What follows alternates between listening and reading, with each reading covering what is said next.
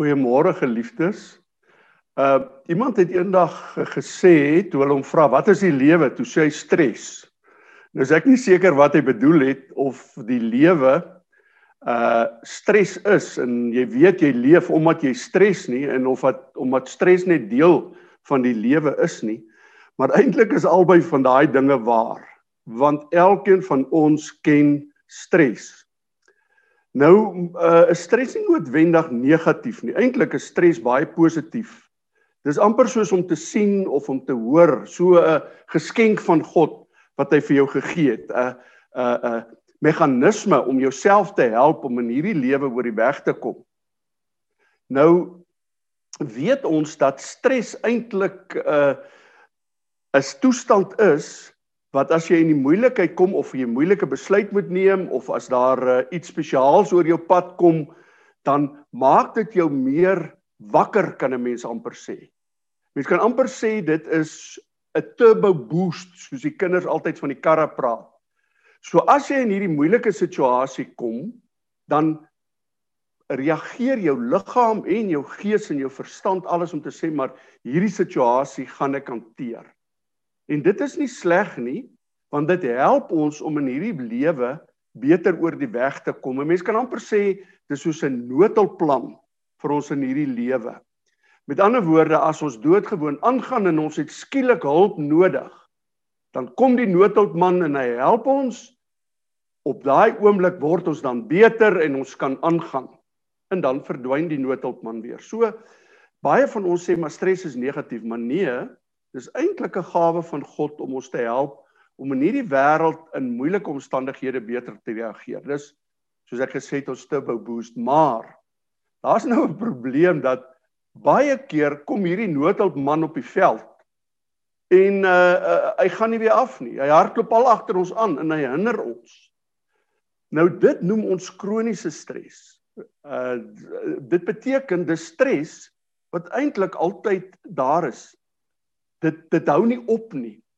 Nou die die doel van stres is om jou in spesiale omstandighede net te help om oor die moeilike omstandighede te kom. So as jy skielik met iemand uh, uh in 'n stryery raak, dan klop jou hart vinniger en so aan en dan gaan die stryery verby en dan gaan die stres ook weg. Of as jy 'n nuwe ding aanpak, dan klop jou hart en jy raak gespanne omdat dit dit ding is wat jy nie weet wat gaan gebeur nie en dan gaan dit daarna weg. Maar hierdie kroniese stres gaan nie weg nie. Dit bly daar. En dit maak jou later siek. Vat byvoorbeeld verhoudings. As jy nou by die werk in 'n slegte verhouding met iemand is, dan raak jy gespanne. Elke keer as die persoon naderkom en klop jou hart vinniger en jy raak gespanne. En dit hou aan en aan en aan of by die huis. Nou jy kyk na jou man of jou vrou of jou kinders of jou eh, skoonma of pa wie ook al in die huis is en jy raak so gespanne en dit gaan nie weg nie en dit eis later sy tol. Nou wil ek nie presies uh, vanoggend praat oor alles wat daar gebeur nie. Maar wat dit doen aan 'n Christen is hierdie kroniese kom ons sê gevoel wat soms in depressie en in angs omsit. Dit maak 'n Christen soms skrapperig ongeskik sommer. Jy's nie jy voel nie meer so vriendelik nie. Jy jy voel uh, jy wil net heeltyd uh, jy weet met ander beklei of jy antwoord op 'n skewe manier. En my vraag is nou, is dit wat van 'n Christen verwag word? Moet 'n Christen so leef? Met ander woorde, moet ek as gelowige toelaat dat die situasies rondom my my so beïnvloed dat ek nie meer my Christelike boodskap of my Christelikheid kan uitleef nie. Moet ek daarmee tevrede wees? Nou sê die sielkundiges, dis nou nie eers Christene nie. Sê hulle nee, daar's maniere hoe jy jouself kan help. En uh die maniere is naamlik om te besef dat stres grootliks samehang met jou hantering van die situasie en nie noodwendig met die situasie self nie. Met ander woorde, dit gaan oor hoe jy reageer, wat jy daaraan doen, hoe jy met jouself omgaan in die situasie eerder as die situasie self. Dit herinner my baie aan uh uh toe ons de, toe ek destyds huisbesoek gedoen het en ek oordryf nou maar so bietjie uh as iemand vir my 'n koppie koffie bring en ek sit die koppie daar neer op op die Italiaanse ingevoerde tafeltjie. Dan skop daai huisvrou styf en sy hou net daai koppie dop want hy gaan 'n ringetjie maak. En sy luister na niks wat ek sê nie. Sy stres net oor daai ringetjie wat daar gaan kom. In 'n ander geval kan jy kom jy by die huis dan kan jy amper die hoeveelheid huisbesoeke wat jy al daar afgelê het van die tafel af tel. Want daai vrou het vrede met die ou ringetjies op haar tafel. Dis maar net 'n tafeltjie. Nou is presies dieselfde situasie, maar twee verskillende reaksies. En nou sê die mense, uh jou reaksie is dus wat help om stres te verlig of nie te verlig nie. Jy kan kies of jy jou doodstres of nie. En nou kom ons by die Christelike boodskap. En die Christelike boodskap is juis op hierdie punt baie duidelik. Jy as gelowige, toe jy Christen geword het, het jou lewe verander. Jy het op 'n ander manier begin kyk na die lewe. En kom ons lees en ons gaan 'n paar stukkies saam lees as jy julle julle Bybels by julle het. Ons lees wat Paulus sê in Romeine 12 lees van die eerste vers af. En nou doen ek 'n beroep op julle broers op grond van die groot ontferminge van God. Gee julleself as lewende en heilige offers wat vir God aanneemlik is. Met ander woorde, toe ons Christene geword het, het ons eintlik onsself aan God gegee. En hoor wat sê hy? Julle moenie dit is die wesenlike godsdiens wat julle beoefen. Dit is nou eintlik wat verander het. Julle moenie aan hierdie sondige wêreld gelyk word nie, maar laat God julle verander deur julle denke te vernuwe.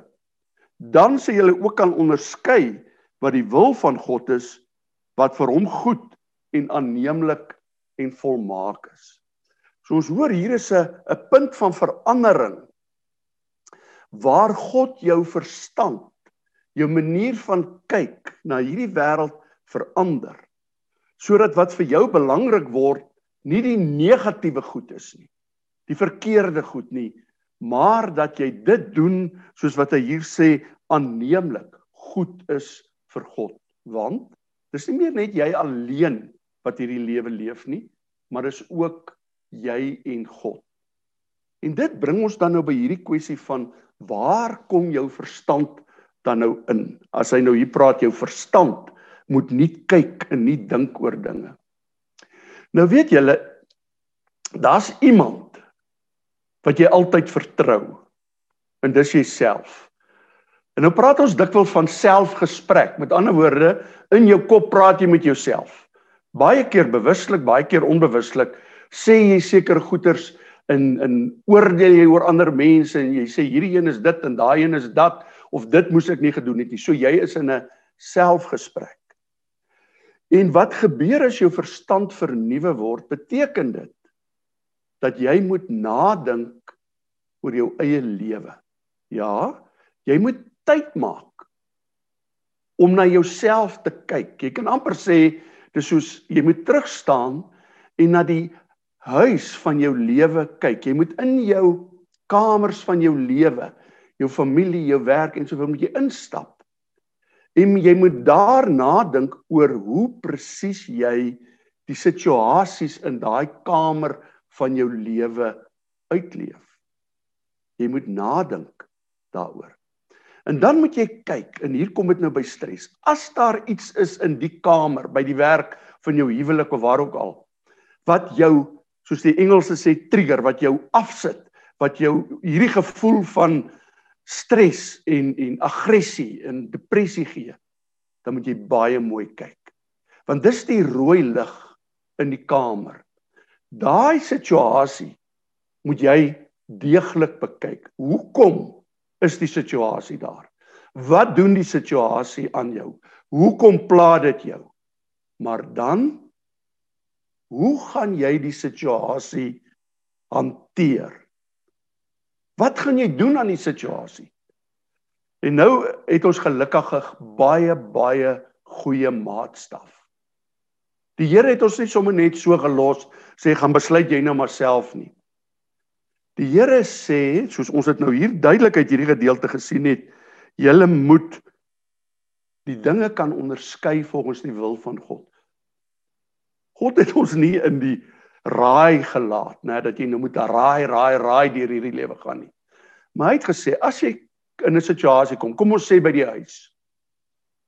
En jy kom nie met jou man of vrou so goed oor die weg nie of jy kom oor die weg maar jy's gedurig gestres oor daai een ding. Dan sê die denke vernuwe, staan terug in jou kamer en kyk. Hoekom is jy gestres? En wat moet jy maak om daai stres te verander? En dan kom jou maatstaf in. Die Here se maatstaf is: soek vrede, bring liefde. Moenie van jou kant af probeer om ander te verander, maar jy doen niks nie. Jy kan aan ander nie verander uh jy weet deur knoppies te draai by hulle nie maar jy kan in jouself besluit ek gaan nou meer liefdevol optree. Ek gaan nou my man se hand vat waar hy dit miskien nie verwag nie. Ek gaan probeer van my kant af. En nou sê uh, mense ja, maar ek het al probeer. Maar die Here sê, weet jy, as jy in die Here saam is, moet jy tog ook op daardie krag van die Here se liefde vertrou dat hy verandering sal bring. Moenie ophou nie. Evalueer jou situasie oor en oor. En daarom is dit vir my so mooi as ek as ek daaraan dink hoe die die Here jou telkens terugstuur na na jou moeilike situasies toe. Of jy sê dis waar jy Christen is. Dis waar jy verskil maak. En dit is nie altyd maklik nie. Daarom is stilte, stilte geliefde so belangrik. Dat jy vir jouself tyd gaan dat jy dit vir jouself gee om te gaan sit en te gaan dink en jou kamers te bekyk, jou situasies te evalueer en dan 'n besluit te neem volgens die maatstaf van wat die Here in jou lewe sou neem waar hy jou dis in jou lewe wil hê. Daardie stilte wat uiteindelik ook oorgaan deur die oorgaan in die bewuswording van die teenwoordigheid van God by jou. Dat jy nie alleen beplan nie. Dat jy nie alleen sy maatstawwe gebruik nie, maar dat hy by jou is. Ekskuus. Maar dit bring ons dan nou by een van die mooiste gedeeltes wat hierdie saak eintlik vir ons bespreek en ek wil Filippense lees waar Paulus eintlik praat oor so 'n situasie. Nou dit jy as jy dit wil so lank opsoek, dis Filippense 3 en ek gaan daar uh, lees uh Filippense 4 vanaf vers 4. So as jy wil opsoek Filippense 4 vanaf vers 4. Uh daar vertel Paulus eintlik vir ons hoe hy stres hanteer het. Toe alles vir hom in duie gestort het. Toe hy in die tronk gesit het. Net toe hy eintlik sy lewenswerk sien in duie stort het in Filippi moes hy op moed verlore se vlakte gewees het. Ek bedoel hy moes heel dag daar in die tronk hom bekommer het, hom gestres het oor wat in sy gemeentes gebeur en hoekom hy nie in die tronk uh, hoekom hy nie buite is nie maar in die tronk. En dan skryf hy hierdie: Wees altyd bly in die Here. Ek herhaal, wees bly. Hoekom? Wees uh die Here is naby. Moet oor niks besorg wees nie, maar maak in alles julle begeertes deur gebed en smeking aan God met danksegging bekend. En die vrede van God wat alle verstand te bowe gaan, sal oor julle harte en julle gedagtes die wag hou in Christus. Dink as jy hier gehoor het, sê jy mooi hoor. Gaan praat met die Here. Jy het nagedink En dan sal die Here bo dit wat jy verwag, sal hy oor jou verstand die wag hou. Sal hy maak dat jy sy uh teenwoordigheid, sy liefde in jou kamers van jou lewe raak sien. Maar nou gaan hy verder. Hy sê verder dit alles wat waar is, alles wat edel is, alles wat reg is, alles wat rein is, alles wat mooi is, alles wat prysenswaardig is, watter deeg of lof waardige saak daar ook mag wees, daarop moet julle julle gedagtes rig.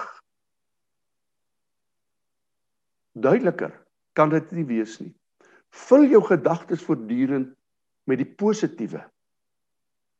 As jy die negatiewe hanteer het deur die liefde van God, vul daai kamer met die liefde, die vriendelikheid, die positiwiteit wat God vir jou gee. Dit beteken dus as jy in hierdie situasie uh, wêreld inloop, moet jy as gelowige en kan jy as gelowige omdat dit is hoe jy die wêreld sien, positief, vriendelik optree.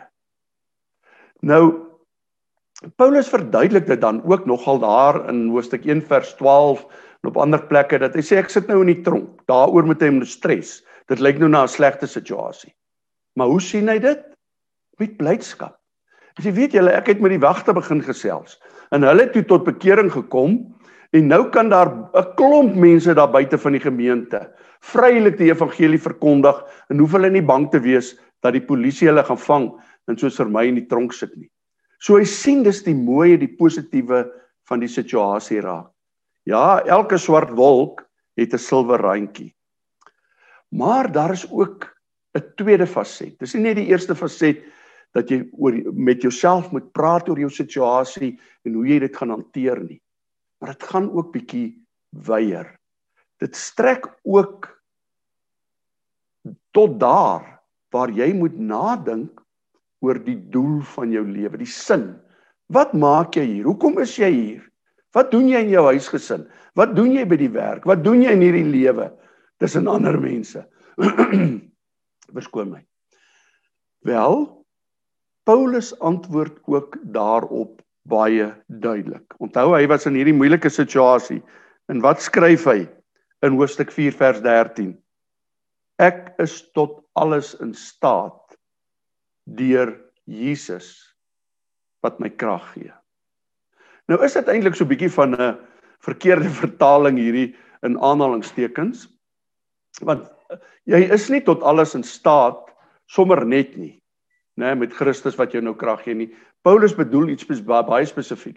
Ek kan nie nou sê ou goed, ek gaan nou 'n uh, 'n uh, 'n Mercedes hier voor in my uh, erf neersit of ek gaan nou uh, sê maar die staatspresident word of iets nou, nou nie dat enige iemand dit sou begeer regtig nie want dit lyk my maar 'n moeilike taak.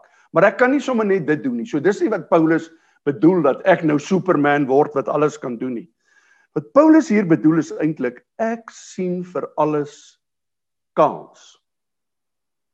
Omdat dit nie ek alleen is nie, maar dis ek saam met Christus. En nou werk die doel van die lewe dikwels so soos 'n donkie met 'n wortel. Dat die donkie loop al agter die wortel aan en hy dink hy gaan daai wortel kry.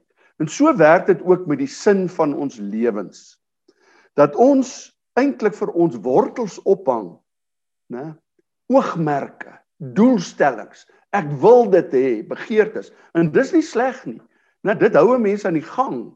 Ek wil graag sukses maak daarvan, né? Ek wil graag dit doen. Dit is in die hak. Maar wat wel moeilik raak, is as jy daai begeertes so hoog aanslaan en so hoog stel dat jy dit nooit sal kan bereik nie. Jy hang die wortel so ver voor jou op dat jy daai wortel nooit in die hande gaan kry nie. En dit veroorsaak stres. Want jy gaan altyd voel ek misluk. Ek haal dit nie. En daarom sê Paulus, hoekom wil jy daai wortels ophang? Wees realisties om hulle nie te ver op te hang nie, maar so op te hang dat jy dit kan bereik. En die beste manier om dit te doen is om dit in die krag van Jesus, om dit saam met Jesus te doen. Want dan sal dit jou in staat stel om vir alles kans te sien, om alles te hanteer. So dis Paulus se plan in hierdie verband. En nou beskryf hy dit in hoofstuk 10 en ek moet dit net lees want dit is so mooi as hy begin sê in hoofstuk 3 vers 10 tot 14 dan kom hy en hy sê uh Al wat ek wens is om Christus te ken. Die krag van sy opstanding te ondervind en deel te hê aan sy lyding deur aan hom gelyk te word in sy dood. In die verwagting dat ek self deel sal hê aan die opstanding uit die dood. Ek sê nie dat ek dit alles al het of wat ek my doel al bereik het nie. Maar ek span my in om dit alles myne te maak omdat Christus my reeds syner gemaak het. My broers, ek verbeel my nie dat ek dit alles al het nie. Maar een ding weet ek. Ek maak my los van wat agter is en strek my uit na wat voor is. Ek span my in om by die wenstreep te kom sodat ek die hemelse prys kan behaal waartoe God my roep in Jesus Christus. Hoe wonderlik is hierdie woorde net nie, né? Dat Paulus sê sy lewe is 'n avontuur op pad saam met Christus om uiteindelik die doel saam met Christus te bereik. Dit beteken dan uh, eintlik dat as ek vra waarom is ek hier? Christus se teenwoordigheid in my lewe byna soos 'n magneet funksioneer. Né? Dat hy eintlik al die ander belange, al die ander wortels wat ek op op hang dat dit dit na hom toe aantrek. Dat ek in die situasies, hierdie doelstellings wat ek met my lewe het, dat ek Christus daarin sentraal plaas. Dis nie net my eie belange nie, want dan gaan ek uh, jy weet heeltemal op my eie pad stap.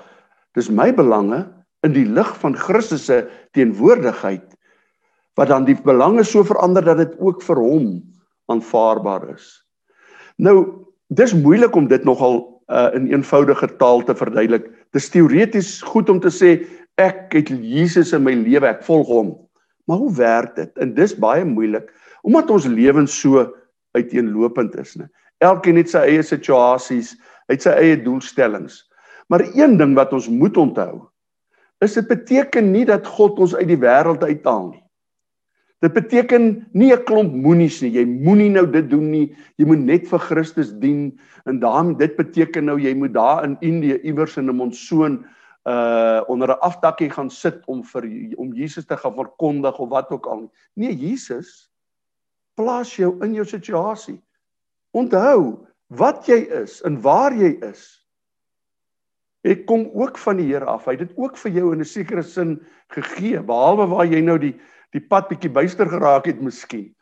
Maar jou lewe is ook in die hande van Christus as Christus en daarom as prokureur of as huisvrou moet jy jou lot daar vervul. Jesus neem jou nie uit daai situasie nie, maar hy plaas jou in daai situasie en sê Daar moet jy ook as jy dinge doen, Christus sentraal stel. Kom ons neem weer die voorbeeld van 'n man of 'n vrou wat kwaad is of 'n man pa wat kwaad is vir sy kind. As jy alleen is, so jy sê my wil geld. Maar as jy saam met Christus is, met ander woorde, jy en Christus is saam, sal jy die maatstawwe van Christus in daai situasie aanwend. Jy sê wil die Here hê dat ek so teenoor my huweliksmaat optree. Ek weet hierdie ding is nou ernstig, maar wil die Here hê ek moet so optree? Want jy is die een, die Christen wat die verskil moet gaan maak. En dan moet jy vir die Here vra wat die regte manier is om dit te doen of by die werk. As jy daar by die werk sit en jy moet 'n transaksie deursien of jy moet 'n ding doen en daar's die moontlikheid van oneerlikheid wat vir jou tot groot voordeel kan wees. Moet jy dit doen of nie? nie as Christus by jou is nie. En dis wat Paulus eintlik bedoel dink ek as hy sê Christus word hierdie magneet wat al die ander dinge eintlik aantrek en aan hom vassit sodat sy invloed daaroor kan vloei. God neem jou nie uit jou situasie nie. God neem nie jou werk nie. Hy gun jou jou werk, jou huis, uh, alles wat jy het. Maar God wil hê jy moet Christus daarin verheerlik deur sy wil daarin te laat geld. Nou geliefdes, daar's ook in hiermee sluit ek af in hierdie gedeelte wat ons nou gelees het, ook hierdie ding ek ek probeer tot ek die wenstreep gehaal het.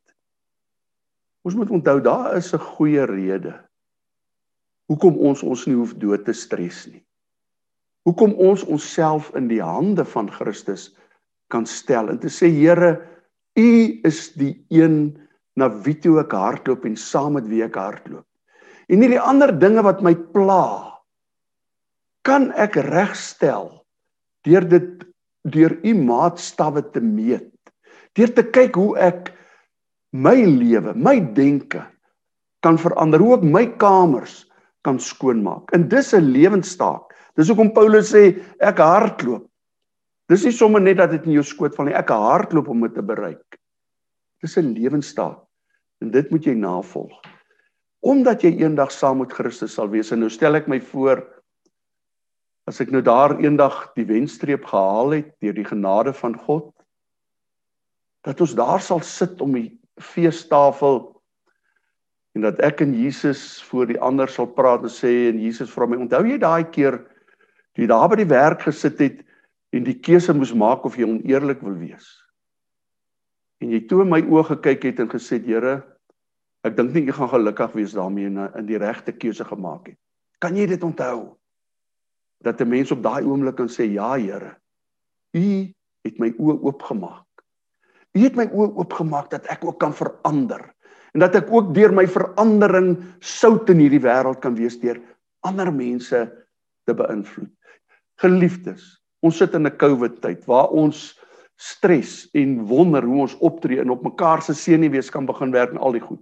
Wees liewer opgewonde soos Paulus sê oor die feit dat jy nou meer geleentheid het om stil te word saam met die Here, om na te dink oor hoe sy liefde, sy maatstawwe jou huis kan skoon was, maar ook ander kan beïnvloed om die lewe reg te sien. Nou die vraag wat is die lewe? Dit is stres. Nou is stres dan nou 'n goeie ding? Ja. Stres kan 'n goeie ding wees want die Here het dit vir jou gegee om ook in moeiliker omstandighede net so bietjie beter te kan doen. Dis jou turbo boost in moeilike omstandighede. Maar nee.